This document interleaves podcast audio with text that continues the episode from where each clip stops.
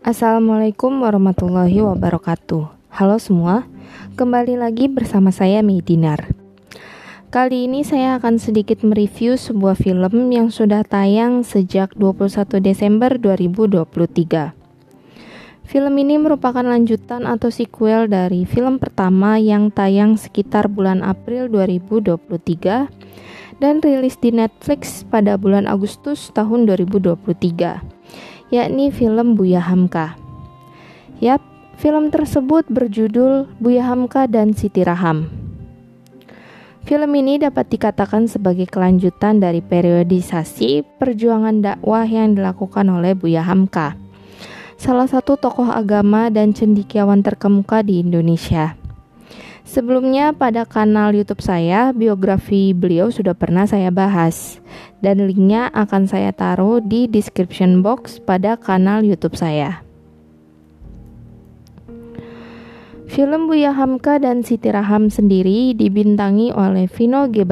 Sebagai Buya Hamka, Laudia Sitia Bella sebagai Siti Raham, Anjasmara sebagai Soekarno, Roy Sungkono sebagai Rusdi Hamka, Alfi Alfandi sebagai Dadang, Bima Azril sebagai Rusdi Hamka kecil, dan Martino Leo sebagai Amir. Nah, Amir ini dapat dikatakan beliau merupakan tangan kanan dari Buya Hamka. Mengambil latar belakang saat Buya Hamka turut berjuang mempertahankan kemerdekaan Indonesia dan atas jasa-jasanya beliau hijrah ke Jakarta dan masuk sebagai pegawai negara di Kementerian Agama. Beliau kemudian membangun Masjid Al-Azhar hingga puncaknya beliau terpilih sebagai ketua Majelis Ulama Indonesia pertama pada era pemerintahan Presiden Soeharto. Banyak sisi-sisi yang cukup menarik yang diungkap dalam film Buya Hamka volume 2 ini. Namun ada dua sisi yang cukup menarik perhatian saya dan saya garis bawahi. Film pertama, sisi pertama ialah film ini banyak mengungkap peran dari istri Buya Hamka, yakni Ibu Siti Raham. Buya Hamka dan Ibu Siti Raham sendiri menikah pada bulan April 1929. Kala itu Buya Hamka dan Ibu Siti Raham menikah di usia yang masih terbilang sangat muda. Buya Hamka berusia 21 tahun dan Ibu Siti Raham menikah di usia 15 tahun. Karena beliau masih berusia 15 tahun, beliau perlu berdiri di sebuah bangku kecil agar tingginya bisa sejajar dengan Buya Hamka. Ibu Siti Raham sendiri sebagai istri dari Buya Hamka sangat setia mendampingi perjuangan Buya Hamka. Baik dalam perjuangan beliau mempertahankan kemerdekaan, perjuangan berdakwah beliau, hingga saat beliau harus dipenjara karena terlalu subversif terhadap pemerintah Orde Lama. Beliau juga selalu mengingatkan Buya Hamka agar segera menyelesaikan tafsir Al-Azhar yang kemudian tafsir tersebut berhasil diselesaikan oleh Buya Hamka saat beliau berada di penjara.